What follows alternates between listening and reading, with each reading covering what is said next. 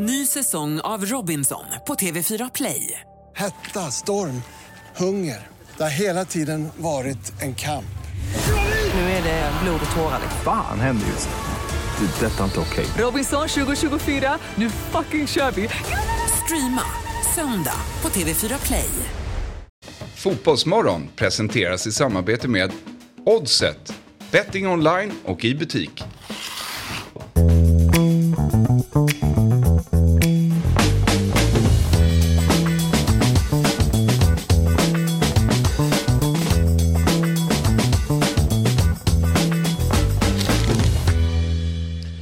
Morgon på er, varmt välkomna till det 120 avsnittet av Fotbollsmorgon. Vi eh, springer på i rask takt. Det är fredagen den 27 januari.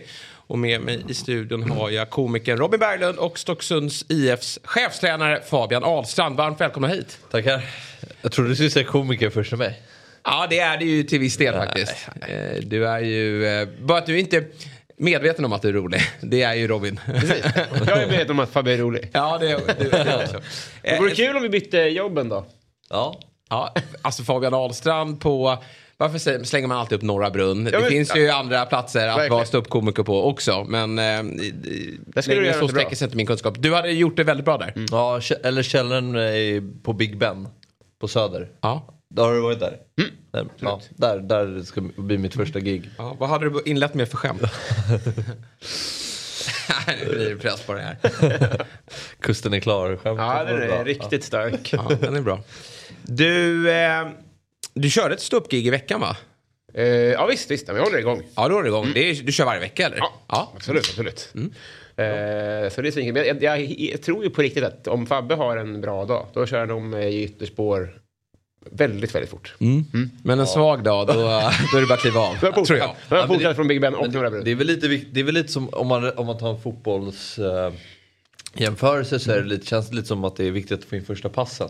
Alltså första skämten. Ja, verkligen. Kommer man in i det snett, då kan det bli en jobbig... Få med sig garvet, Det- för det antar jag att ni tänker på att man, första skämtet är ju viktigt att få med sig Verkligen. vad man har för publik också. Det kan ju också vara, de kan ju vara olika också. Verkligen, verkligen. Att man, om, det, ja, men, om, om du fortsätter i liknelsen, om du börjar med att skalla domaren. Det är ju synd att få den starten så. Ja. Då blir det inte mycket mer sen. Nej, då får, man, ju- då får man verkligen kliva av. Ja. Ja, bra studio som ni märker och vi kommer ju även ah, såklart att ringa upp en del gäster och det är inte vilka som helst. Nej. 7.30, Magnus Hedman. Äntligen. Ja, Äntligen ska vi få prata med Magnus om kärlekslivet, om karriären som agent och om hans ögonoperation som han ska utföra lite senare idag. Oj! Ja visst, den ska han få berätta om eh, när vi ringer upp honom 7.30. Men ringer Men- vi men- honom på sjuksängen? Eh, nej det gör vi inte. Nej. Utan han ska först då eh, ställa upp här i Fotbollsmorgon. Eh, och sen så åker han och gör, utför den här operationen. Får vi se vilken typ av operation det är då. Hoppas det går bra. Kan, kan, Ja, verkligen. Ja. Kan du bara inte nämna vad som hände fem minuter innan vi klickar på räck? Jag väntar ändå lite på att du ska...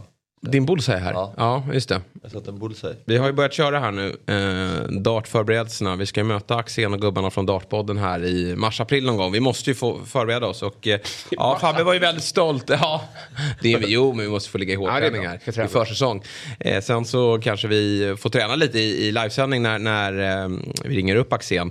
Men du satte den bullseye. Jag blir dock inte så imponerad av din, din eh, din stil, för du bara kastade hej vilt och så råkade den hamna i mitten. Jag hamnade ju väldigt mycket, nu ser man inte, det blir dålig tv här, man ser inte darttavlan. Men eh, jag hamnade ju väldigt eh, ofta på ettan. För att jag jagade ju 20. Det är det man ska göra, 3 gånger 20 Så jag hamnade väldigt mycket på ettan. Så det gick ju inte så bra för mig. Men jag vet ju att när jag börjar få in min eh, högertass då kommer det bara smälla och då kommer vi plocka ner Axén. Honom ska vi montera ner ganska enkelt. Och sen så ger vi oss på de andra där i, i, Dartpodden. Inte Vilka det är. Men Petter Ros som har varit här och, och levererat tavlan. Han är säkert eh, vass också men, men honom tar vi framåt sommaren. Alltså, Eh. du, eh, ja, jag tycker du förtjänar mer än en axelryckning i alla fall. Ja, Jag var inte jätteimponerad men, men kul för dig att du blev glad. Jag, Vi- med dig. jag tycker vi ska, när vi nu tränar nu ett kvartal, då, då siktar vi på 20. Ja, nej men alltså verkligen så. Vi, vi kan inte bara kasta hej vilt och hoppas att den hamnar i mitten utan vi, vi måste ju ha ett mål. Eh, liksom den här tårtbiten ska vi träffa. Ja. Och det är 20. Och sen 8.00, då kommer Walter Skarsgård hit. Otroligt alltså. Ja det är faktiskt... Det är jäkligt kul. Och han har ju, vi gillar ju alla typer av gäster, men han är ju het för att han är eh, är med i Beck nu och även andra filmer. Eh, Men framförallt då att han eh, är het inom fotboll. Alltså han kan väldigt mycket fotboll. Bajare. Bajare. Blir det lite snack om Hammarby och vad som händer i klubben. Får se om man ska åka ner till Spanien och kolla på stängda träningar. Just det, vad sjukt det var. Ja, verkligen. Vad håller de på med? Ja, det är inte min sak. Du, eh, innan vi drar lite headlines då. Så måste vi väl få en liten rapport från träningsveckan med Stocksund. Ja. Jag noterade att ni hade en liten äldre herre i laget här på en bild. Och du meddelade att ni har 63-åring på ce- centrala mittfältet i år. Nah, nah, men eh, han är med, Nisse. Ja. Och kör. Bra namn. Ja, verkligen. Perfekt. Men 63 år, Ja, då är man bra tränad. ja det var, då har han tränat mycket. Faktiskt flest träningstimmar i laget. Ja, verkligen. Nej, det var hans första träning och... Var med i Winning Team, för du skickar ju den här bilden och man kan ju följa er på Instagram. Och du skickade den till Robin och du skickade den till mig. Och då eh, noterade vi då att... eh, Ja, du la upp det ja. Det, var, det var schysst. Men kanske inte din caption. Det var lite, to, lite ironi. Ah, nej, jag, jag, jag konstaterar. Ja, Ni vann där ja. Ni vann där, Härligt. Ja. Nej, men det var en ny vinnarbild igår. Mm. Hur många pass kör ni? Två i veckan. Ja. Och sen har jag ett annat lag som också kör. Så. Härligt. Ja, men- Var har vi Nisse? Ja, det står där med Ganska kort. strumpor. Han är ganska kort, men eh, var ju som sagt på det vinnande laget. Så att det, det, han blir viktig i år. Eh, men förlust i första träningsmatchen. Och där var du arg på mig, för du ville rätta mig. Ja, det var ju inte träningsmatch. Vi spelade en futsalcup. Ja. Och jag var med och spelade. Ja, men ska det vara negativt? Futsalcup är väl mer? Ja, men det var ju torsk 1-8 och du spelade. Då ty- du, bara, du, du rättade mig då. Nej, det där, så där kan du inte säga, för jag var ju med. Ja, men, ska inte det höja kvaliteten? 0-12 om du... kan vända emot. Ja. Men det var ingen bra start. Ja, men det var ju, nej, men start och start. Jag jag skulle inte säga att det var liksom en eh, start på tränargärningen. Nej. Uh, Känns det att hade ni vunnit den matchen hade vi fått höra det. alltså vi tog i ledningen. Kommer det bli vad det blev eh, för Lars Tommy med Vigo? 0-4 nere i Vigo. Det blir Fabbes 1-8 bort, ner, ute på Lidingö. För det var det ju där det spelades. Ja, Härsbyhallen. Alltså så, mm, svinhalt golv. I mina gamla kvarter. Ja, men där är det gick knappt springa där inne så ja, det påverkade en del. Men vi tog ledningen. Ja? Ja. Sen, sen rasade Det brakar det. Ja. Och nu är, du ute efter, och nu är du ute och jagar en ny målvakt. Nej, vi, men vi har bara det här målet så vi behöver en till. Ja. Ja, och det kan vara, igår fick jag stå till exempel. Ja, det är ju inget kul att stå i mål. Nej. Om man inte är målvakt. Jag minns det där när man eh, höll på och härjade i de där divisionerna. Att det var ju så viktigt att få dit två målvakter Ja, på träningen. ja. För att, även om man tvingar någon att stå i mål så blir det ju inte jämnt heller. Eh, har ett såll där bak som bara släpper in, då blir det inga bra träningar. Hörrni, vi eh, fortsätter att slå ett slag för Dobb-TV. Lös prenumeration där. finns väldigt mycket att titta på just nu. Mm. 08 Fotboll har ju rivstartat säsongen. Dels ett ordinarie avsnitt här i onsdags. Eh, där man kunde få det senaste såklart från 08-klubbarna. Mm, Hjelmberg var med också. Hjälmberg var med och berättade lite om eh, Berisha och eh, den här, eh, de här stängda träningarna nere i eh, Marbella. Är de väl? Ja. Jävligt också, om man bara kort, att de är där i tre veckor. Ja. Det är märkligt. Men låter ändå skönt. Ja, men nej. Inte?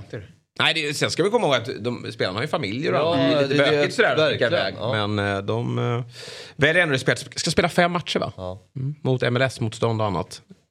Eh, blir spännande att följa. Men det är väl inte standard att man drar tre veckor? Nej, absolut inte. Jag har aldrig hört om det tidigare. Nej. Tio max tycker jag. Ja, Rikt. Ja hoppas de hinner hem innan cupen då. Jävlar, det var Ja, det också. exakt. Den var VO första fighten. Nej men det är ju väl lite så att ställa om och, till kylan och annat. Men nu kommer de väl spela inomhusmatch på Tele2. Men det är klart att eh, konstgräset. Och det är också tänker jag att Hammarby de kanske känner sig så trygga i plasten. Men de, de har ju väldigt många nya spelare. Eller de kommer få i alla fall.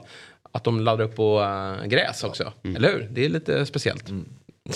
Eh, men där kan man också se en intervju tillsammans mm, Axel, du och Oliver Berg. Mm, han var här igår. Ja, Väldigt sympatisk. nya, Djurgårdens nya anfallare. En väldigt stor fotbollsnörd. Ja, han blir tränare va, efter karriären. Ja, det verkar ju som det.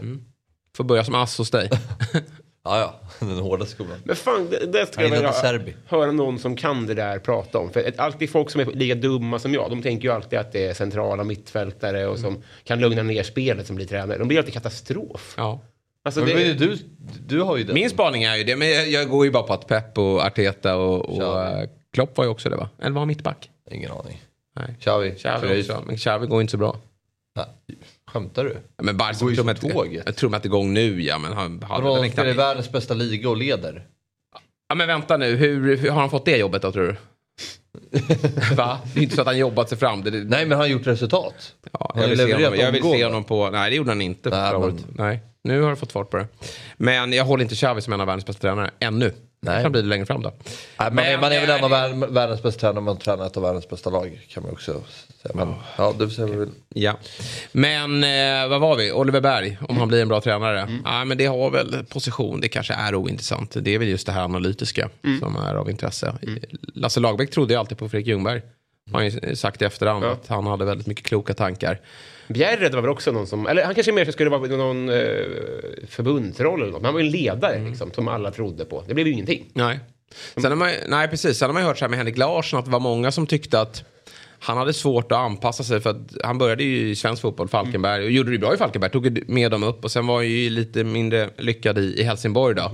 Men att han lite ställde samma krav på spelarna i Falkenberg som han gjorde i Barcelona. Att han nästan var besviken på sin spelartrupp, att de inte höll måttet. Och eh, ja, det är lite Men Henrik Rydström är ju fel. mittfältare. Just det. Mm. Alltså, jag säger att det är dåligt att vara mittfältare och sen bli tränare, men det, det borde, man borde ha... Vad ska jag leta efter när jag ska se på en spelare att den kommer bli tränare? Det borde inte vara position, det är ju jättekonstigt. Nej. Ja, det, jag håller med. Vi får se då vad som händer med Oliver Berg. Men ta del av honom och mycket annat då borta hos Dobb.tv. går ju att lösa prenumeration eh, månadsvis eller så köper man ett årskort. Så kan man se allt det kommande året. Kanske att jag är comeback här också i till fotboll. Vi får se. Komma in och fäktas tillsammans med dig. Ja. Vore ju kul. Verkligen. Får jag fråga, jag såg på Norrata Fotboll, då hade de diskussioner om, om du nämnde Hammarbys träningar och sånt där. Och jag, jag, alltså jag, de har ju rätt, de som har mycket bättre insyn och som kan fotboll mycket mer än vad jag kan. Men det var så konstigt, jag, det- jag var inte med på att de, de sa så här, det här är de mest ointressanta träningarna på pappret ändå. De första träningarna och det är så långt till match.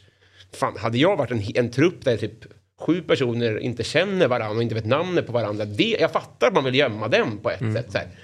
Man är, man är tjock efter julen och man, man ska det är så här, lära känna övningar Ja, och sånt. ja. Den vill man ju ha tält över. Ja. Sen när allsvenskan har börjat och alla kan övningarna utan till, då kan ni väl komma och kolla. Jag vet inte, jag, så hade jag tänkt Ja, i alla fall. Ja, eh, problematiken här är väl att man inte har eh, meddelat eh, någon Ja, om att det. ska vara stängt. Och, och det är Vi ju är här väldigt nu. många Hammarby-supportrar som har liksom sett fram emot det här. Det är ju en eh, tradition att åka ner. Bajenjompare som sitter i 08 fotboll. Han åker ju ner varje år och är väldigt taggad. Mm. Ja. Och han var ju upprörd. Han brukar vara upprörd. Ja. Men nu var han extra upprörd. Mm. Och, och sen då Oskar Månsson som är på plats och ska bevaka.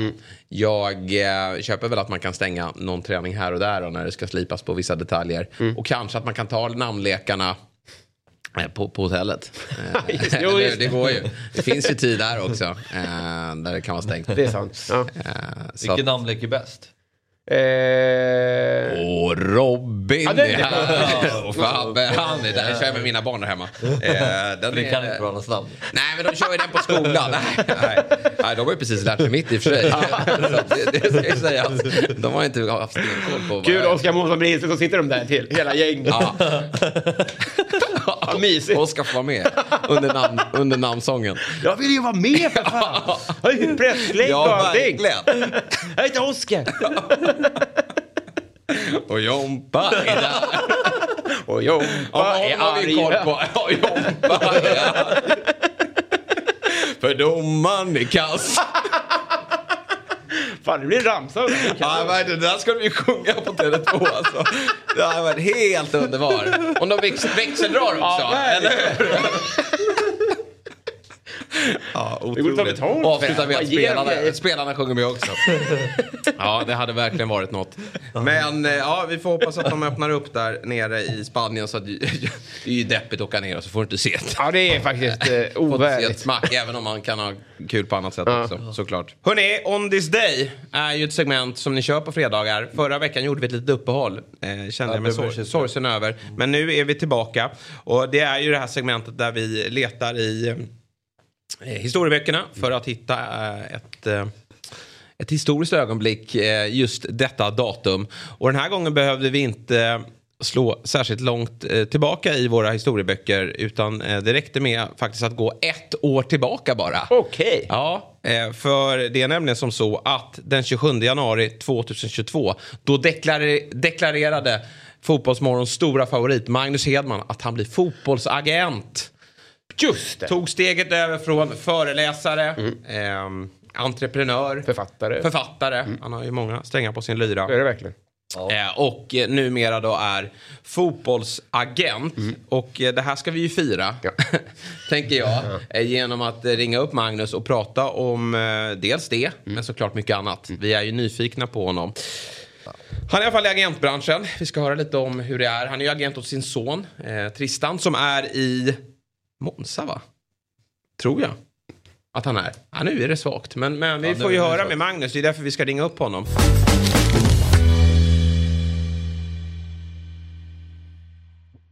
Ny säsong av Robinson på TV4 Play. Hetta, storm, hunger. Det har hela tiden varit en kamp. Nu är det blod och tårar. liksom. Fan händer just nu. Det. är Detta är inte okej. Robinson 2024, nu fucking kör vi! Streama söndag på TV4 Play. Ett poddtips från Podplay. I fallen jag aldrig glömmer djupdyker Hasse Aro i arbetet bakom några av Sveriges mest uppseendeväckande brottsutredningar. Går vi in med hemlig telefonavlyssning och, och då upplever vi att vi får en total förändring av hans beteende. Vad är det som händer nu? Vem är det som läcker? Och så säger han att jag är kriminell, jag har varit kriminell i hela mitt liv men att mörda ett barn, där går min gräns. Nya säsongen av Fallen jag aldrig glömmer på Podplay. Vi säger god morgon och varmt välkommen till Fotbollsmorgon. Magnus Edman. God morgon, god morgon och tack så mycket. Hur är läget? Är du nervös? För jag har förstått att du ska eh, iväg här senare under dagen och genomföra en ögonoperation. Mm. Nu vet ni varför jag släppte in mål. Jag såg dåligt. Ja, fan också. Vi hade Ja. kanske eh, gått vidare där mot Senegal. Om det bara hade gjort- genomfört det tidigare. ja, ja, nej, men det, det är dags nu. Eh, Jag ska, jag ska göra nu, byta linser i ögonen sen eh, lite senare idag i Göteborg. Så att, ja, det ser jag fram emot. Jag är inte nervös än, men jag lär säkert bli när jag kommer dit. Men du har gjort den här operationen tidigare då eller? Nej. Nej, okej. Nej. Eh, Spännande. Kommer du slippa glasögon då eller? Linserna. Ja, inga linser och inga glasögon. De byter ut hela linsen i ögat liksom, och stoppar in nya. Så det är coolt. Men du, det är inte därför vi ringer dig, eh, utan vi har ju en hel del funderingar och frågor såklart. Och anledningen till att eh, vi ringer upp dig just den här dagen är ju för att för ett år sedan då så gick du eh, ut med nyheten om att du är fotbollsagent eh, numera. Och därför så vill vi såklart, eh, den första frågan blir ju hur har det här första året som agent varit? Eh, väldigt eh, spännande. Det har varit rätt överraskande eh, på en del eh, plan, måste jag säga. Eh, jag gick ju in det här året, eller som första, egentligen första två åren och vill, vill liksom Eh, vara ödmjuk och se och lära, även om jag har väldigt mycket kontakter runt om i fotbollsvärlden och sådär, så, så vill jag ändå se hur den här världen funkar och, och se vad jag kan göra för spelare. Det jag har lärt mig är att jag vill inte ha för många spelare för att eh, varje spelare kräver sin uppmärksamhet och tid. Och att det är en rätt mörk värld alltså, måste jag säga. Det är rätt mörkt. Det är väldigt mycket fulspel. Man får vara på sin vakt hela tiden. Så det, det, det, är ingen, det är ingen superkul bransch att vara i, tycker jag personligen. Alltså att jobba mot andra agenter och sådana här saker. För att det försöks och, och liksom, det är försök att luras hela tiden, tycker jag. Ja, Vilka, vilka åldrar har du nischat in dig på? Jag har inte nischat in mig Ja. på några åldrar, utan jag, jag, i och med att jag jobbar mycket med beteendevetenskap och coaching och sådär, så, Ja. så är det det lite som är min nisch, att jag vill också hjälpa spelare. Till exempel som Isak Hien när han hade problem, så hörde ju hans agent av sig när han var i Djurgården och inte fick en plats där. Och då började vi jobba, och där jag jobbade jag ju bara mentalt med Isak. Byta perspektiv, eh, lära sig hantera vissa typer av känslor, utmaningar och sånt där. Och det gick ju rätt bra får man ju säga. Så att det är där liksom min stora passion ligger. Så att jag har inte nischat in mig på någon speciell ålder. Jag har en, några eh, yngre som är 16-17. Jag hjälper några spelare i division 2. Eh, Gustav Engvall, jag har Jörgen Lokadia. Så det är rätt stort spann sådär. Mm. Eh, men så länge det är människor så, så, så är det spännande tycker jag. Men du, det här mörka då? också. Eh, Upplever du som obehagligt att verka i eh, agentbranschen eller är det bara liksom eh, ett rejält fulspel? Eh, inte obehagligt på så sätt att liksom med rädslor och sånt där, men jag tycker att eh, utifrån vad jag är någonstans i livet just nu och hur jag jobbar och hur jag vill vara eh, med etik och moral och, och, hur jag vill liksom vara mot andra människor så, så, krävs det att man är jävligt tuff, att man är väldigt rak, eh, att man hela tiden ska ha liksom nästan avtal på varenda liten knappnål. Liksom. Och, och, som igår, vi skulle ha ett konferenssamtal med en klubb eh, för Jörgen Lokadias räkning. Eh, och där, jag ljuger inte nu. Det var 33 personer i ett Zoom-möte när jag tryckte på länken. Ja, 33 och det var någon som satt på ett torg med massa bilar och det tutade. Och, alltså det var kaos alltså. Mm. Så att det är högt och lågt. Men, men ehm, eh, det handlar ju hela tiden om att kunna se sig själv i spegeln. Det är det det handlar om. Mm. Eh, sen är jag en sån här kille som inte... Jag ringer inte en klubb och säljer in en spelare med falska grejer. Har jag en spelare som jag tycker behöver jobba på sin fysik, då säger jag det till klubben. Mm. Um, så att jag, jag, jag, försöker hålla ärligheten och, och, jag kommer inte bli den största agenten, det är jag inte ute efter att bli heller, men, men mitt stall av spelare ska vara liksom um, lite mindre och, och, där jag kan lägga den tiden då, då på, den, på det mentala. En annan grej jag har upptäckt också det är att sportcheferna är extremt pressade, speciellt i Sverige skulle jag säga. Mm. När man ringer eh, eller textar med sportchefer så eh, är det första de säger eh, när jag frågar hur läget är, ah, det är så jävla mycket att göra. Går du ner lite i klubbar, typ i Superettan, division 1, då kan man förstå det, för där kanske de sitter på flera stolar. Men, men även i Allsvenskan, jag tycker att de flesta sportcheferna är det första de säger, att det är jävligt mycket att göra. Och när du säger en sån sak till dig själv, då stressar du upp dig själv också. Ja. Och jag kan, ja, där kanske du också kan gå in och coacha. Är det för att de är ensamma i sin roll? Jag tänker, det borde ju vara rätt stressande i, i större klubbar också, men då är de väl fler som, som stöttar upp. Det finns ju så många olika tekniska direktörer. Men min, min känsla är att eh, jag upplever som att de får göra väldigt mycket jobb. Det är inte bara att eh, lyfta luren, att ring, eh, köpa och sälja spelare, utan det är väldigt mycket administrativt arbete också och se till att verksamheten rullar.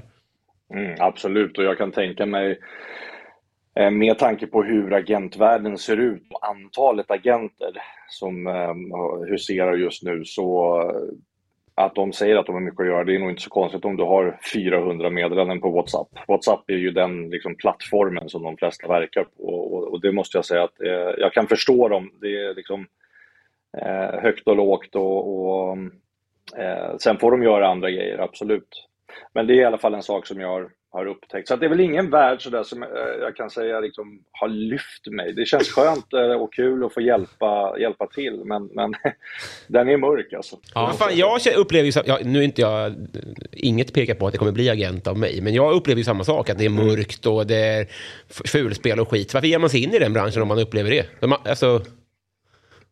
Ja, men kanske för att jag, eller inte kanske, för att, därför att jag hade, har och har en inställning att, att vilja förändra. Att visa att det faktiskt går att vara eh, etisk, moralisk, eh, affärsmannamässig även i den här branschen.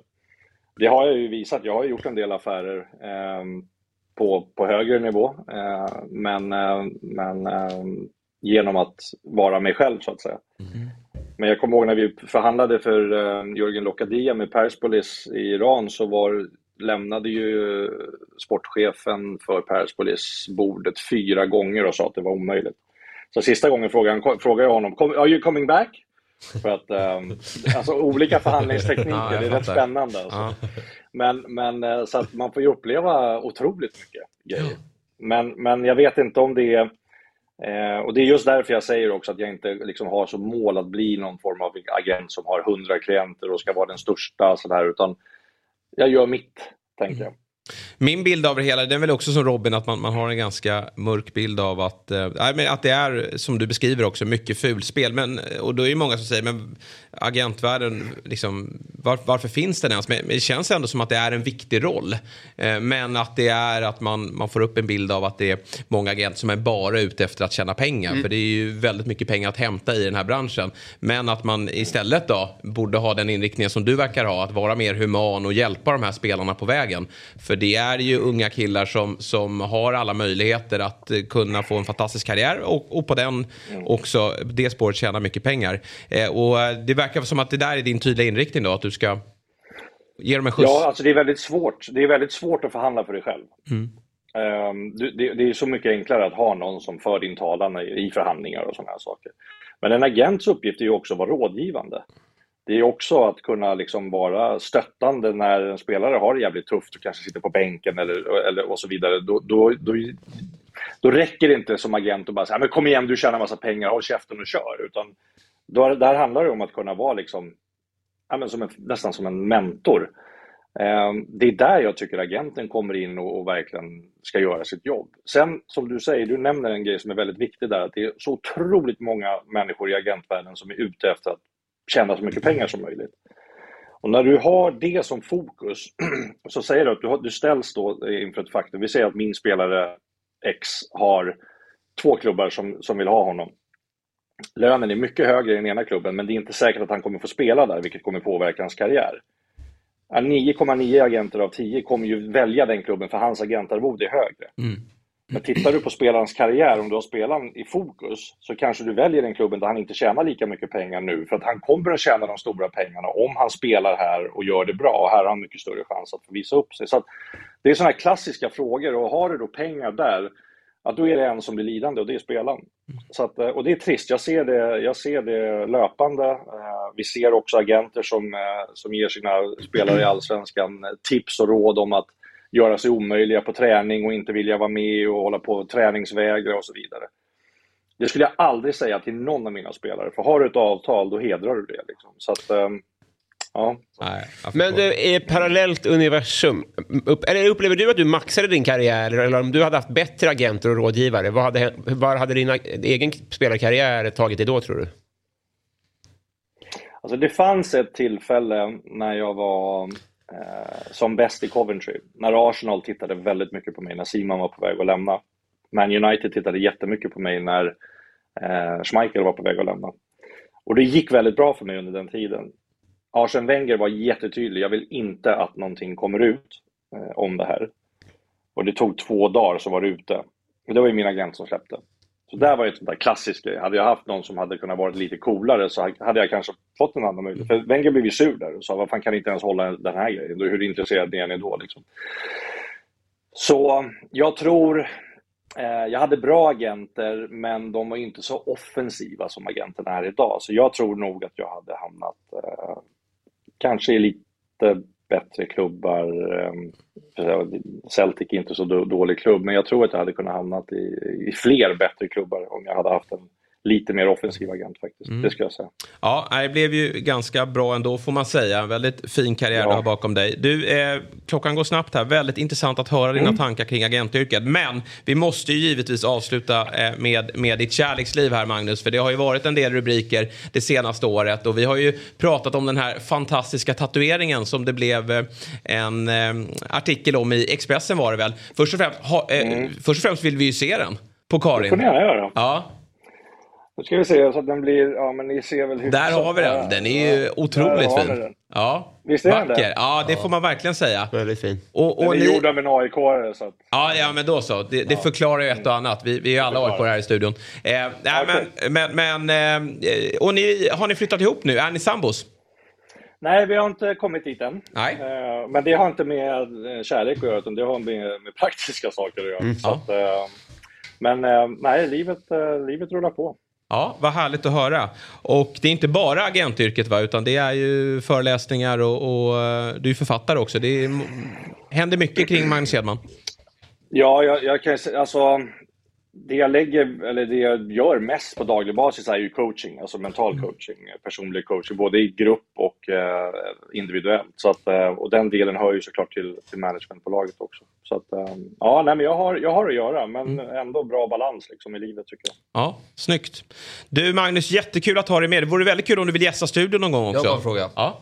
Mourinho fyllde 60 igår. Just det. är ett grattis-sms. Ja, eh, det, kul att du säger det, för han, han textade mig alltså för några minuter sedan att vi ska prata idag. Oj! Ja, så um, jag ska faktiskt ringa honom om en spelare. Så att, ehm, eh, ja, jag har kontakt med, med, Mourinho. Det är mäktigt. Är det Mount som ska till ditt stall?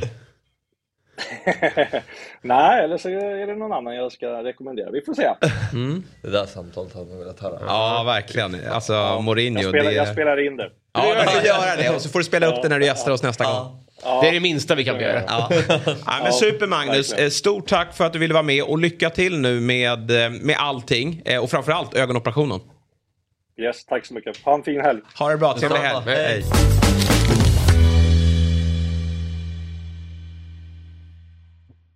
Ny säsong av Robinson på TV4 Play. Hetta, storm, hunger. Det har hela tiden varit en kamp. Nu är det blod och tårar. Fan händer just nu. Det. är Detta är inte okej. Robinson 2024, nu fucking kör vi! Streama söndag på TV4 Play. Ett poddtips från Podplay. I podden Något Kaiko garanterar östgötarna Brutti och jag, Davva, dig en stor dos skratt. Där följer jag pladask för köttätandet igen. Man är lite som en jävla vampyr. Man har fått lite blodsmak och då måste man ha mer. Udda spaningar, fängslande anekdoter och en och annan arg rant.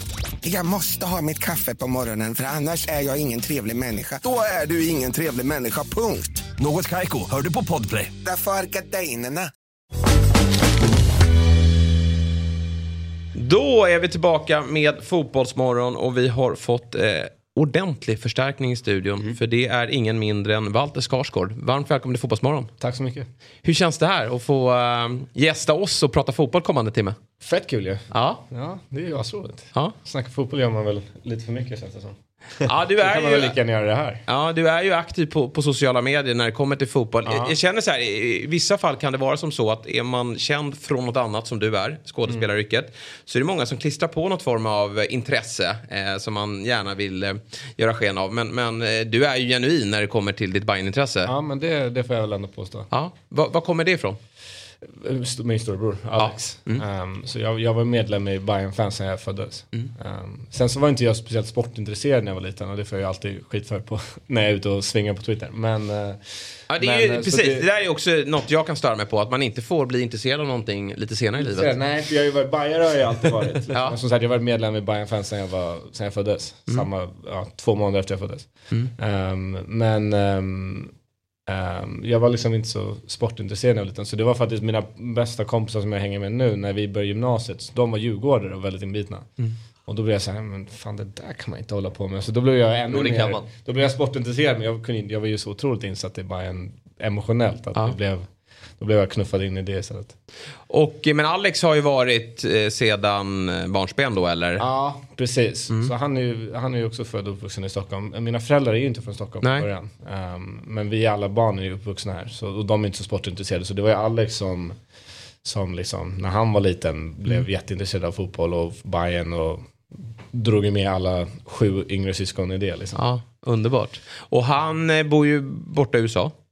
Ja, Mestadels. till och från. Ja, till och från, okej. Ja. Eh, Men det blir en del matcher för honom också. Går ni tillsammans eller? Ja, alltså när han, när han är hemma så gör vi det. Mm. Jag brukar ju stå i klacken och sånt där. Men, eh, men när han kommer hem så brukar jag smita iväg och gå med dem istället. Mm. Ehm, om, om möjligheten finns.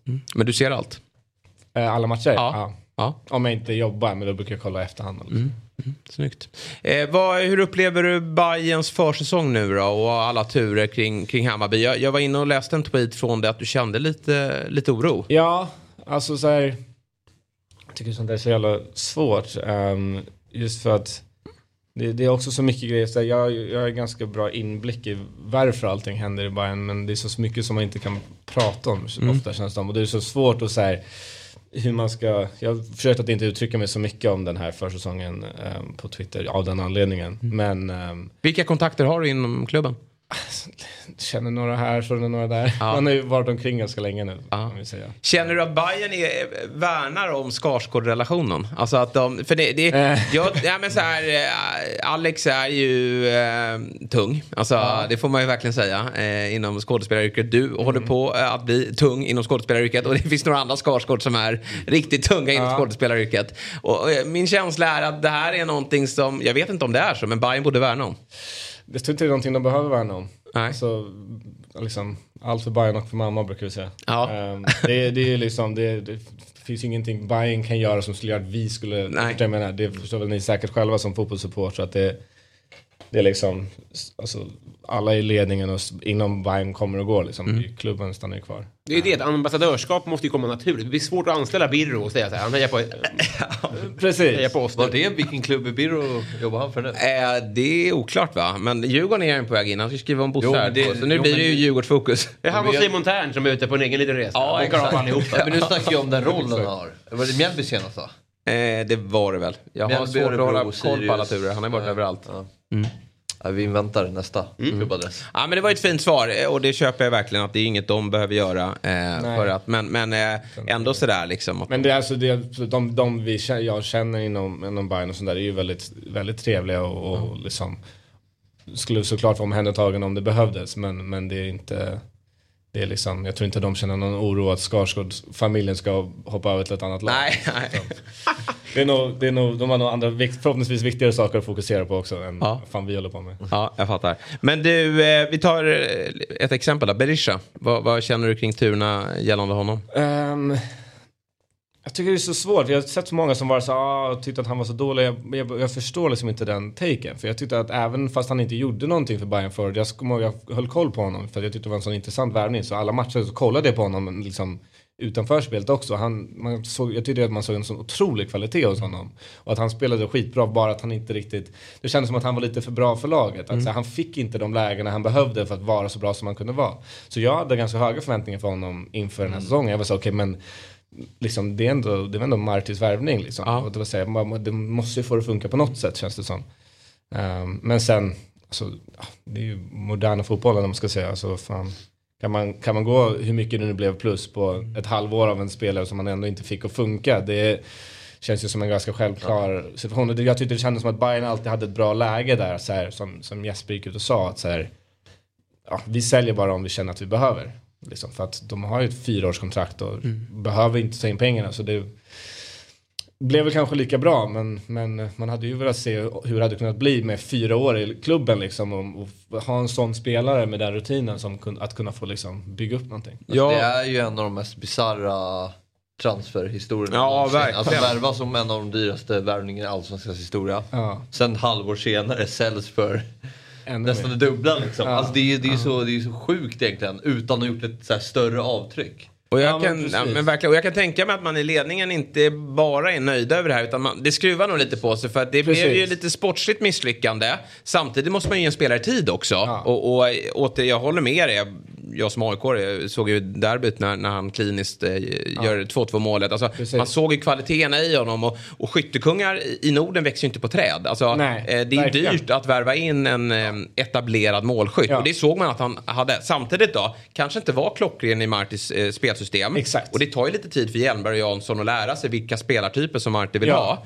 Men nu blev det ju ändå väldigt bra, alltså ekonomiskt. Och att man verkligen. någonstans kom ur det här på ett, på ett väldigt bra sätt ändå. Ja, men då- det det som var lite förvirrande. För jag, som sagt, jag har kompisar som, som är involverade på olika ställen och sånt där. Och jag förstod liksom inte, jag kommer ihåg att vi pratade om den här värvningen. Jag var så här, de, man, det verkar som att det var Marti som ville ha in honom från början. Och alla var lite så här, liksom, han passar ju inte in i spelsystemet. Och det är lite, för, det, blev liksom, det blev lite förvirring där känns det som. Men som, som ni säger, det känns som att det blev en Alltså konstig på alla sätt. Det var en otroligt lyckad och misslyckad affär på Ja, samma ja, gång. Liksom det- Man bara, vad fan hände? Okej, nu ska vi börja om igen då. Men Ja. också, fast vi tjänade ju en jävla massa pengar. Kanske var värt det. För att pengar spelar ju också in. Men man kanske ville ha stabiliteten. Det är så här, den som lever får väl se liksom hur det här sp- spelar ut. sen. Om, om nu när Mikkelsen kommer in. Om det, om det lyckas skitbra. Kanske det var så, okej men shit. Och alla de nya nyförvärven som ska komma in i spel. Om, om det blir en bra säsong kommer man nog se tillbaka på det här som fan. Vilken jävla dunderaffär. Men skiter det sig nu och man känner att laget inte är ihopspelat. Då kanske man kommer kolla tillbaka och vara såhär, fast vänta nu. Nu blir det så, och, och, på grund av det, det känns som att hur det än går i år så kommer folk börja peka mot, mot Mm. den här affären. Ja. Men det är ju bisarrt, alltså Bayerns spelomsättning senaste. Vi tittade ju på det att sista omgången 2021 så är det två spelare kvar från Ja. den matchtruppen. Alltså bänken inkluderad. Mm. Eh, det var Det Dovin och Fenger. Eh, att ändå... Det är bisarrt. Ja, det är det Ja, det är verkligen. helt, det är helt galet. Samtidigt som man ändå har presterat, även om det inte Ja, har blivit något guld. så absolut. ju Verkligen, liksom det var ju ändå en, ganska bra säsong förra topprestationer. Kändes ju inte som, som så, men när man kollar tillbaka får man ändå vara nöjd. Liksom. Ja, ja. Eh, och jag tror att och sen är det också lite tråkigt med det här i den moderna fotbollen att det handlar så väldigt mycket om business och, och Ja. framförallt att man ska eh, lyfta upp uh, unga eller värva in unga. Men det tråkiga med det också, och det är ju så man bygger en ekonomi på sikt, men det tråkiga är ju att man får ju aldrig ha spelarna i sin klubb särskilt länge. Nej. Alltså så fort de blir bra. Jag, menar, jag bara tar exempel med Ajari här nu som vi äntligen börjar tycka om här nu efter, eller tyckte om har gjort länge, men börjat se prestera ut på plan. Att så här, shit nu kan han bli en allsvensk toppspelare. Nej, då ska han ju försvinna. Och därför- Svedberg för oss förra året. Ja men precis, Svedberg för er. Eh, Därför är det så här när man värvar in lite äldre spelare, eh, nej, som ni med Rasmus Schüller eller Berisha i det fallet, då, då finns det ju faktiskt möjlighet att bygga en liten legend på äldre dagar. Verkligen. Och så känner man lite med, med Gustav Ludvigsson också. Ja.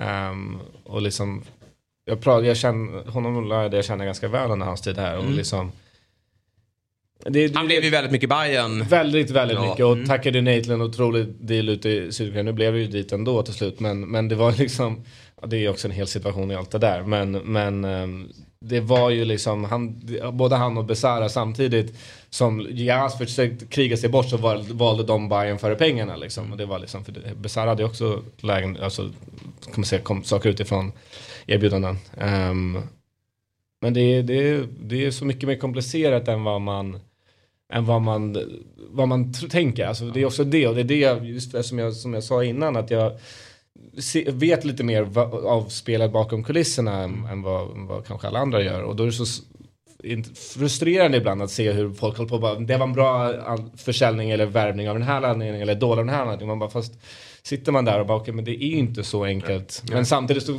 vet jag ju bara de sakerna för att jag inte kommer säga dem. Nej. ska jag, säga. Jag, jag, jag får höra i förtroende. Ja, ja, ja, det är klart. Och Men, man- ehm, jag tyckte Hammarby gick ut och gjorde ett bra uttalande om hela den situationen med alla spelare som försvann. Lite luddigt, avsiktligt, men de gick ut och pratade om att så här, det är flera parametrar som spelar in i varför man gör saker. Mm. Och det enda jag kan säga är att jag tycker att Alltså utifrån situationen tycker jag Hammarby agerade rätt som, gjorde, Mm. som de gjorde.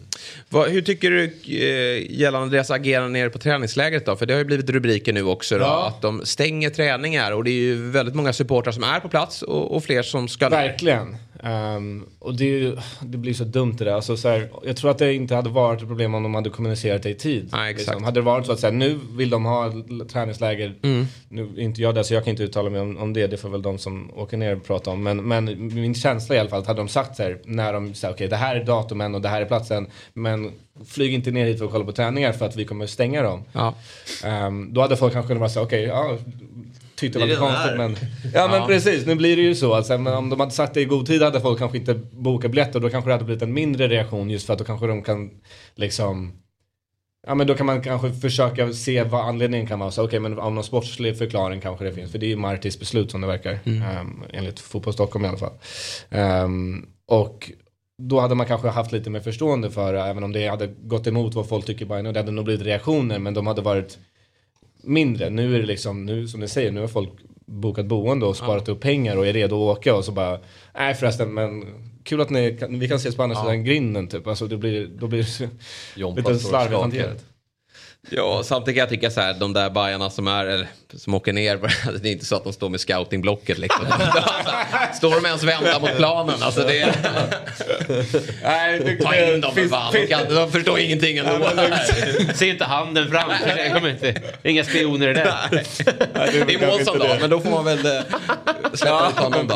Han kan ju rapportera. Nej, jag håller med. Hade de bara kommunicerat i tid, då kan man ju göra så här. Vi, vi kommer hålla det stängt första eh, 15 dagarna och sen Ja. öppnar vi upp sista veckan. Välkomna ner och, och. Precis, och det är väl det som verkar vara en grej. Att det verkar finnas en liten krock mellan, det här verkar ju vara Martis grej och Mm. krock med Bayerns kultur och hur ledningen vill styra och hur, Bayern, och hur Marti vill ha det själv. Och jag tror att de måste bara hitta en, ett mellanläge där alla kan komma någorlunda överens. Alla kommer inte vara nöjda hela tiden men liksom man får nog bara försöka ha lite framförhållning och tänka, tänka om lite. Mm. I, Vad tycker du om Chifuentes i övrigt då? Han verkar fantastiskt bra. Um, alltså det, det vi, som, även om som man sagt, man får jag ändå säga att det var ett, ett lyckat Bayern förra året. Ehm, trots alla, det kändes som hela säsongen när man var i den kändes som att det var bara misslyckat. Det kändes som att vi tappade guldet 15 000 gånger. Så efter Mm. varje match man bara, "Ha, okej nu sket sig säger jag. Och sen bara, vänta vi har fortfarande chansen. Nej, och så sket det sig. Så det blir en sån säsong. Men när man, som jag sa, när man kollar tillbaka så får man väl vara nöjd med det. Vi kommer ändå till Europa liksom. Och släppte in betydligt färre mål än vad vi gjort på hur, jag vet inte hur många säsonger. Det var första gången då det inte bara var liksom massa mål åt båda hållen. Utan man kunde se en liten stabilitet i Bayern. Som nu har försvunnit för hela laget borta. Men, Ja. men liksom. Men han får väl bygga om igen. Han kom in sent förra säsongen Marti och, och fick fart på Precis. det väldigt tidigt. Du nämnde det här eh, nyligen eh, Mm. Fabbe. Så att det, det och, och eh, till hans fördel då, att han kanske får in spelartyper som passar hans fotboll bättre då. Exakt, det är väl det man får, det är väl Ja. det man får hoppas. Men, eh, men som tränare tycker jag han verkar eh, lovande i alla fall. Jag tycker han Mm. verkar otroligt bra. Jag gillar, jag gillar liksom hans spelsätt. Sen är det ju vissa matcher man sitter där och inte kan bli klok på bytena som görs. Och man bara liksom Klassiska förstår. Ja men allt, man bara, jag hade gjort det här, alltså, varför tar de inte in den här killen? Så man bara, nej. Men det är väl också det, Stefan var inne på det mycket, Billborn när han, han tränade. Så här, man får ju, man, vi vet ju inte vad de ser heller, utan det som de ser på träningar. Det är så lätt att hålla på och bara, men han hatar den här spelaren av personliga anledningar och det är liksom vendetta mot min favoritspelare eller vad fan det kan vara. Mm. Medan man, de ser ju också mer än vad vi gör. Vi ser ju bara oftast matcherna, de ser ju allting på träningar och allt emellan och liksom. Det är ju så mycket mer komplicerat än vad man tror. Vi har ju ett samarbete tillsammans med Oddset, en produkt från eh, Svenska Spel, Sport och Casino. Dagens spelförslag då, det är, det är ju helgens matcher. Eh, jag tror Brighton spelar på söndag och Burnley på lördag. Brighton ska på nytt då slå Liverpool. De är ju väldigt heta för dagen och jag känner att Brighton går ju nog för en titel. De har ju faktiskt möjlighet att vinna en, en titel här. Så bra är de. Och sen har vi Burnley då, Hjalmar Ekdals nya klubb. Sex raka segrar. Och de åker och möter League One-laget Ipswich på bortaplan. Det ger 2,34 gånger pengarna. Burnley är... Eh... Sa du på nytt slå Liverpool? Mm, de slog ju Liverpool för två veckor Okej, sedan jag trodde att 3-0. de skulle på nytt slå Liverpool, förlåt. Ja, men det ska de göra. De, ska vinna, de kommer vinna den här matchen. Mm. Och den här dubben då får man ju sex gånger pengarna för borta hos Svenska Spel. Men glöm inte att ni måste vara 18 år för att få spela och upplever ni problem med ett spelande så finns stödlinjen.se till hands. Men nu vill jag prata Svenska Kuppen För Svenska Spel har släppt oddsen för just Svenska Kuppen Och eh, där eh, får vi se om vi håller med. Jag vet inte om vi har grafik på det. Jag tror att vi ska ha det. Vilka tror ni är favoriter?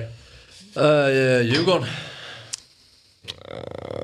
Kommer säkert vara Häcken eller Malmö. Mm. Bara för att de är regerande mästare i varsin ja, liga. Precis så. Och du är ju rätt på det faktiskt. Eh, Det är Malmö FF som är favoriter till att vinna kuppen. Jag tycker det är lite förvånande ändå. Ja, lite Som kan jag hålla med. hur dåliga de var förra året. Slutar de sjua? Ja, sjua. Ja, det är kaxigt. De vann kuppen absolut, men liksom knappt. Ja, eh, och, och eh, visst Djurgården att... tvåa ändå. Djurgården tvåa till fem gånger pengarna.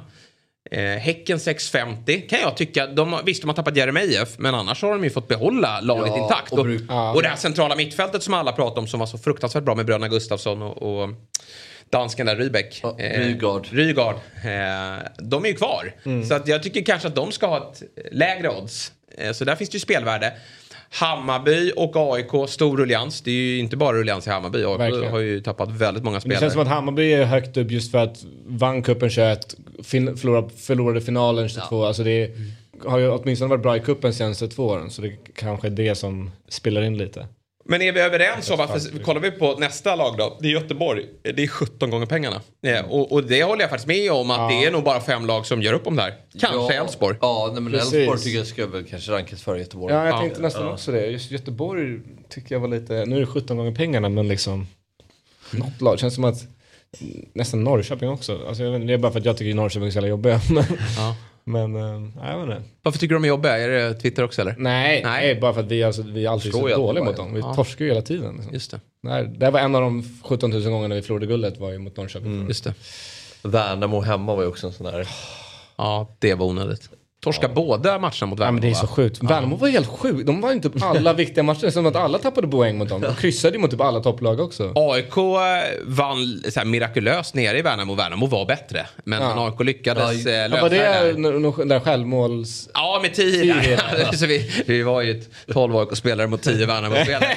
Det Det kanske förklarar en del. Men, men Ja. eh, det var ändå, det var ändå. Värnamo som var bättre spelmässigt. Ja. Nej, jag skojar.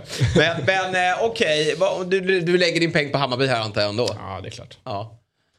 AIK behöver ju verkligen, alltså det som också talar för Malmö då, de måste, men det är ju å andra sidan är väl alltid så för Malmö för de har ju alltid velat vinna den här kuppen Men i år är det viktigare än någonsin för de har ju ingen Europaplats. Nej. Det gäller ju eh, AIK också och Verk- Göteborg såklart. Så, ja, nej, men det är ju faktiskt en bra... Så det är kanske Ja, det är det. Djurgården, Häcken och Bayern har ju mindre att spela för på det sättet. Samtidigt så tycker jag att man raljerar lite när man säger så. Det- Jag har hört många som tycker att ja, men, borde spara oss till, alltså i Djurgårdssammanhang, att så här, spara sig till eh, Europa och, Mm. och så vidare. Men ja, det är ju en titel. Det är ju det. Alltså, Det- det är ju inte viktigt förrän man vinner. Sverige, liksom. Det är viktigt. Och det vore väl kul att få vinna när det är publik på plats också? Ja, Eller hur? Fan, jag satt på en jävla tak och kollade på finalen 21 där liksom. Det ju hopplöst. Men nej, det hade varit otroligt att få uppleva det. Man, Mm. trodde, man hoppades ju verkligen på det där mot Malmö förra året. Och det var ju en häftig match på så sätt att det var liksom Ja, fullsatt den, den, och, match, eh, och den matchen var ju Zlatan-kopplingen. så typiskt för oss den säsongen. Det var så här, nästan lägen hela matchen, Mm. förlorade på straffar. Men alltså det var så här, kunde inte, vi saknade den där Berisha-spetsen som värvade in och sålde. Ja. Ja, men jag, eh, spelvärdet jag hittar här, det är ändå, jag lirar eh, Häcken här. Jag, alltså, jag tycker det är lite högt. De, är, de kommer vara bra i år igen. Det, det, Ja men det kan jag köpa, de är väl alltid bra i cupen. Ja, verkligen. De, har det- ju det de som var i final har mot oss och de har varit i final mot er. Slogs, De vi, tror vi slog, slog ut dem i semifinal förra året också, om jag inte minns fel. Ja, det var ju de ni slog i finalen. 21 ja. Ja, och sen Ja. vann de och så har de ju vunnit två år. 20... Någonting. 19, 16 typ. eller. Mm. Ett bra kupplag helt enkelt. Det ska man inte underskatta. Men du, eh, det, det om Bayern. Nu tycker jag vi ska fokusera lite på din eh, yrkeskarriär här. Mm. För eh, har jag rätt när jag säger att du är het?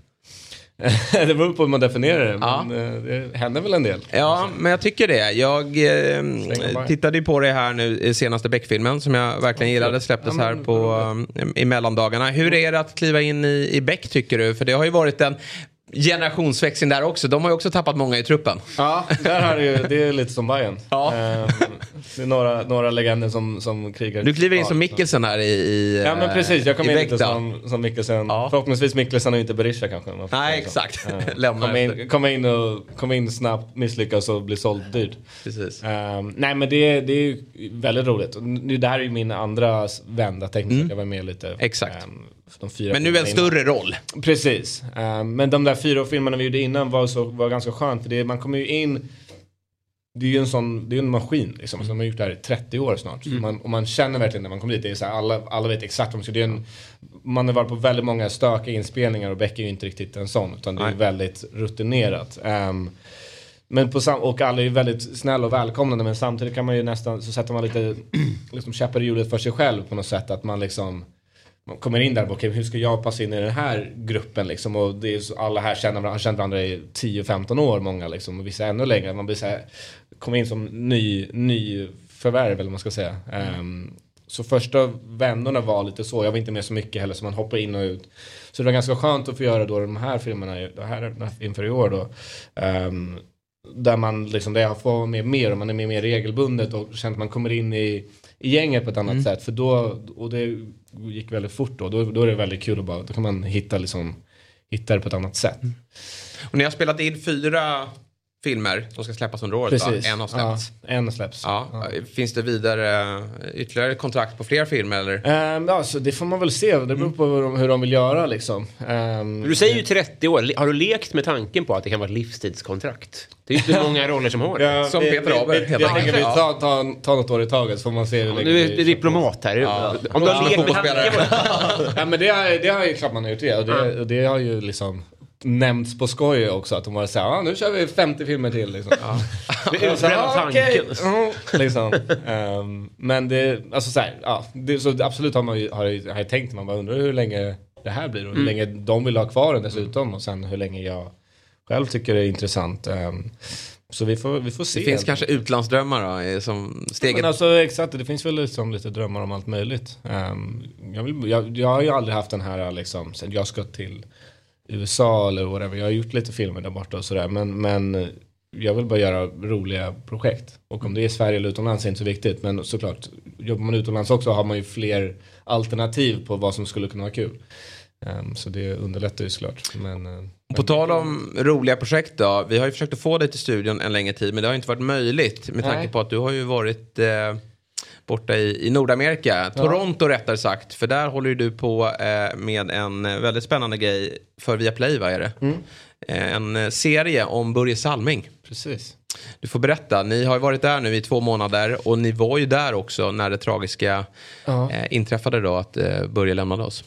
Precis. Ehm, det här är ett projekt som jag har varit inblandad i ah, fyra och ett halvt år nu typ. Ehm, och preppat för det i två år. Så det har varit liksom med Börje mycket också. Så det har ju varit en väldigt lång och slitsam process. Liksom. Ehm, Man håller på så länge, är det, är det vanligt? Nej. Nej. Min brorsa brukar skämta om det att man borde få pris för längsta prepp någonsin. Ja. Ehm, Vem av brorsorna? Bill. Ja. Ehm, för det, det alltså grejen är jag, hade, jag tackade ja för ja, fyra, fyra, fem år sedan. 2018 tror jag jag träffade Börje och Mm. Amir som regisserar serien för första gången. Ehm, och sen så var det liksom, som det alltid är, för då fanns det inget projekt. Utan då var det liksom, då skulle det vara en film och inte en serie. Och så var det så här, vi vill göra det här, vill du vara med? Typ. Och jag bara, ja. Okej. Och sen så ska de ju börja, sen ska, sen ska det börja skrivas ett manus och komma och fixas pengar och sånt där. Så det var liksom en lång process även efter vi hade bestämt att, vi, att jag var med liksom. Ehm, Bara det är väl konstigt att de först frågar och sen skriver manus. Ja, men jag tror att de ville väl liksom sätta Börje först tror jag och de vill liksom ha, ta det mötet och liksom, jag tror att de vill, och det hjälper ju säkert också med att pitcha och sånt där då, att ha med mig som kan säga så här, Walter spelar Börje, det kan hjälpa med pitch. Ibland gör man ju från den änden om, om det är såna här lite satsigare och liksom, ja, såna här projekt liksom. Ehm, och sen så då för ja, två, två och ett halvt år sedan så hoppade Warner, Warner Brothers på uh, och Viaplay. Ja. Och då sa jag till dem att, liksom, jag, bara, jag kan, för jag sa det från första början, jag, bara, jag kan inte åka skridskor och jag, jag, bara, jag är tjock och kan inte åka skridskor, jag vet inte vad tanken är. De bara, "Ja, men det är lugnt, det är lugnt. Det är lugnt.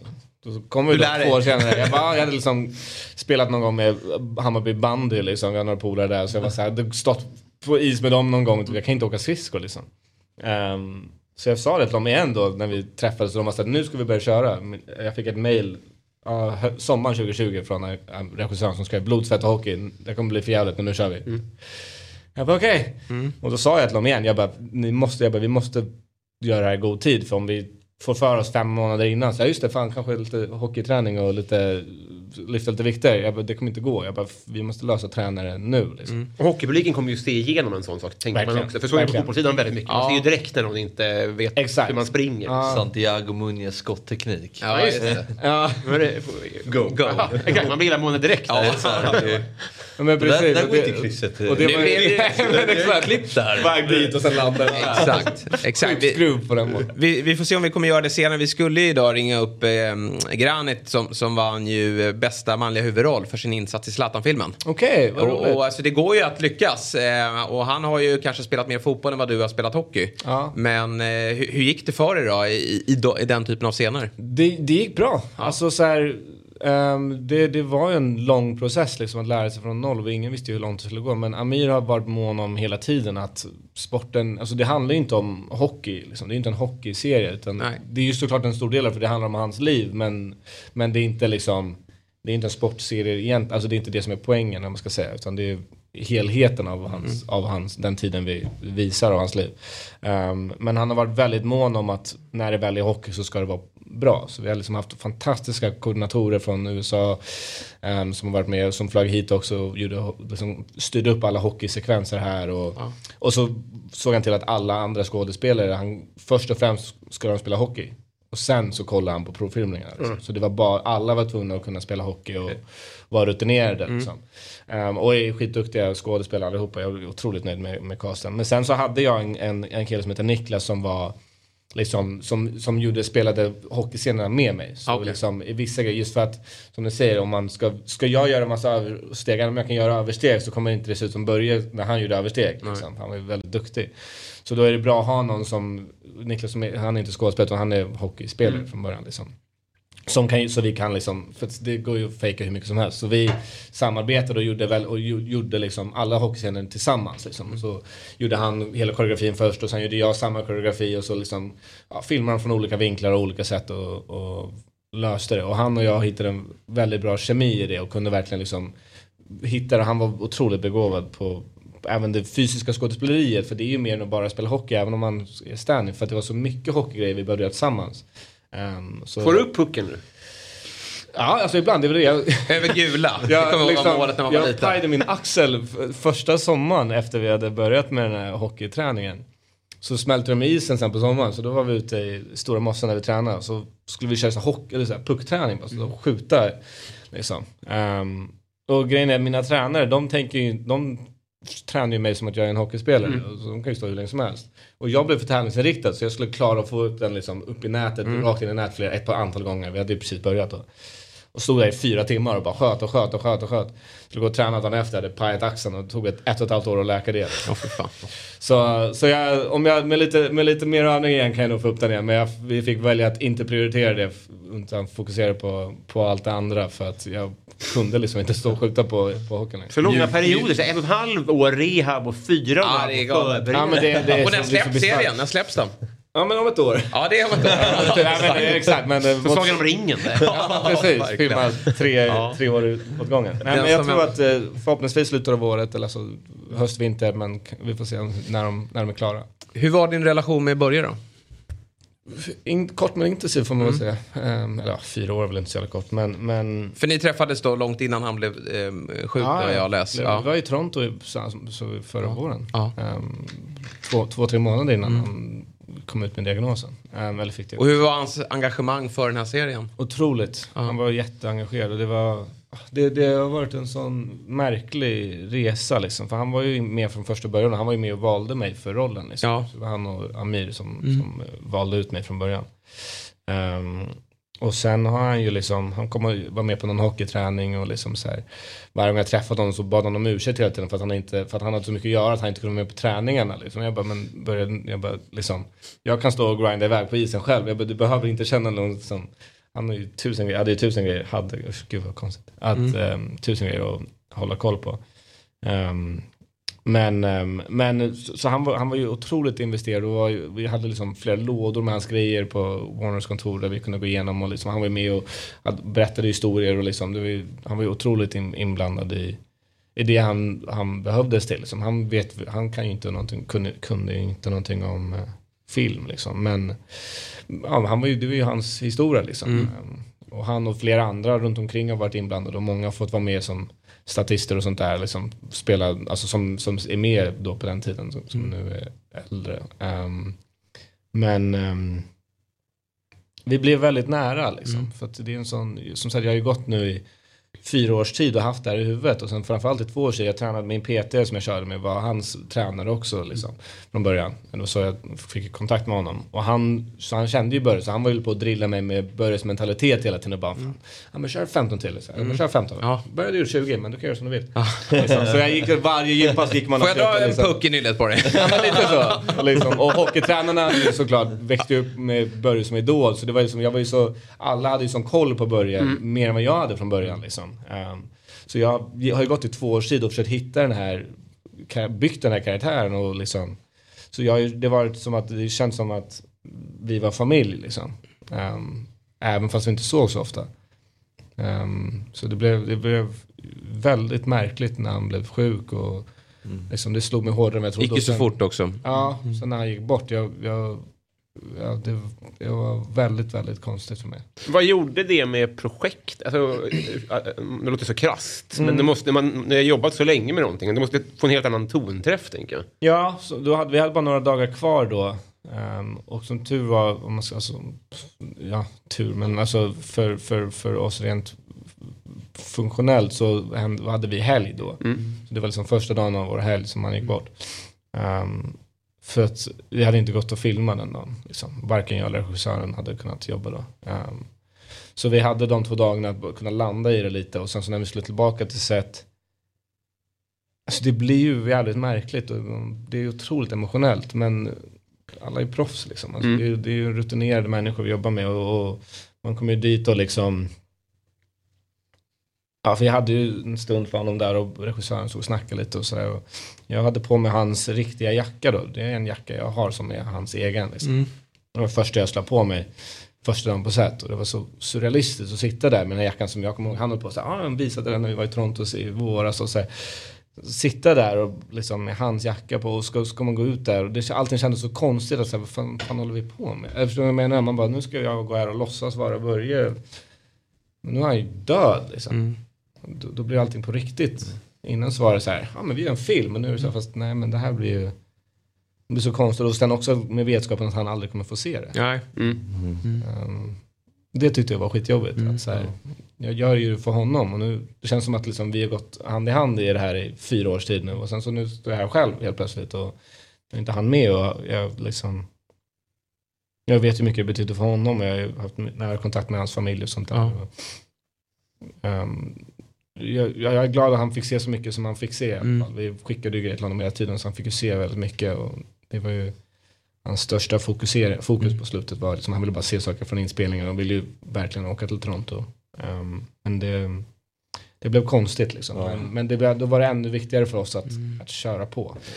Ni fick ju säkerligen då också uppleva hur, hur stor han är där borta och det är väl svårt för oss svenskar att, att förstå. Ja, Vilken alltså, gigant. Jag, jag, jag snackade om det här under hela den här processen. Jag var så här, varje gång man tror att man har fattat hur stor han har varit så kommer det någonting nytt. Liksom. Och då när jag var i Toronto när han var där eh, var jag på matchen och när han blev avtackad och sånt där. Just. Och spenderade lite tid med honom där. Ehm, och då var man också, man var så här, det var så bisarrt att se liksom hela, vi hade ju varit på ganska många Toronto-matcher när vi var Mm. där liksom. Såklart, det är ju hockey och vi är där och spelar in om, om deras lag. Ehm, men, men liksom att vara där på den här fulla arenan och liksom allt fokus är på honom och se liksom videoklippet på skärmarna. Bara, den där scenen filmade vi för två, en vecka sedan. Liksom. Alltså man blir så här, det blir så konstigt att se de riktiga bilderna i ett sånt sammanhang, i riktiga världen. För att för oss är ju allting på låtsas, även det som är på riktigt. För att vi är ju så inne i den där, i den bubblan liksom. Att stå där och se alla de här människorna stå och kolla på de här klippen och vi bara, just det, det är ju det vi gör.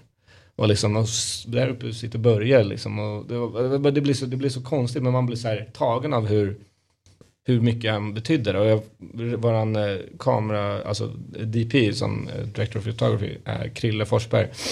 Han eh, sa att han hade gått ut på gatan efter han hade fått reda på att börja gå bort och bara behövde ta lite tid liksom.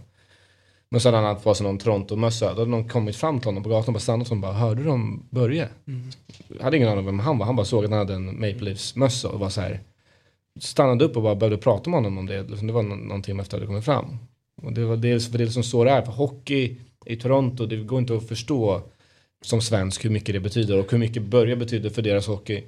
Och det som hela tiden kommer nya grejer. Jag var på hans, på hans begravning nu också och då och får man höra historier därifrån och man bara så här.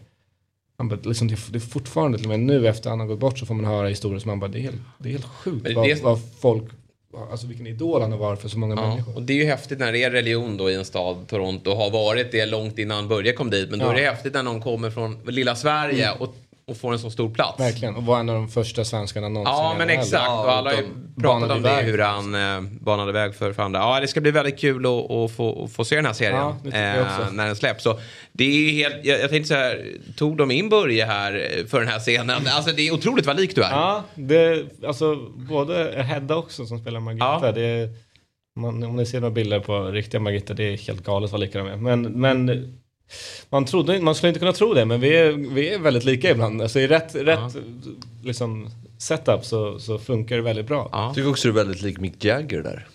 Ja, men det har jag faktiskt fått höra förut. Jag har haft längre hår och sånt där. Ja, ja, den, har, den har jag också hört. När kommer den? Um, slutet på året tror jag. Fan vad kul det här var. Ja, verkligen. Jätte Två trevliga timmar, en riktigt trevlig timme tillsammans med dig Walter. detsamma. eh, som sagt, varmt välkommen tillbaka. Och du är tillbaka redan imorgon. Klockan... Nej, jag är inte det. Du är inte det? Nej, är det något annat du har för dig? Nej, det är ju snarare att jag är petad. Du är petad imorgon? Ja, men det är kanske inte så konstigt. Eh, för att det är nämligen Samuel Lidsholm som är här. Ja. Eh, Brommapojkar, eh, Brommapojkarnas mittfältare som tillsammans med Axel, Sabri och Jalkemo håller låda då. 10 till 12 eh, går vi live på YouTube och sen går det att lyssna på som podcast lite senare också. Precis som man kan göra med det här programmet. Vi släpper det här alldeles strax. Bra så. Stort tack och tack, för att ni har mycket. tittat och lyssnat. Vi eh, ses på måndag igen. Fotbollsmorgon presenteras i samarbete med Oddset, betting online och i butik. Ny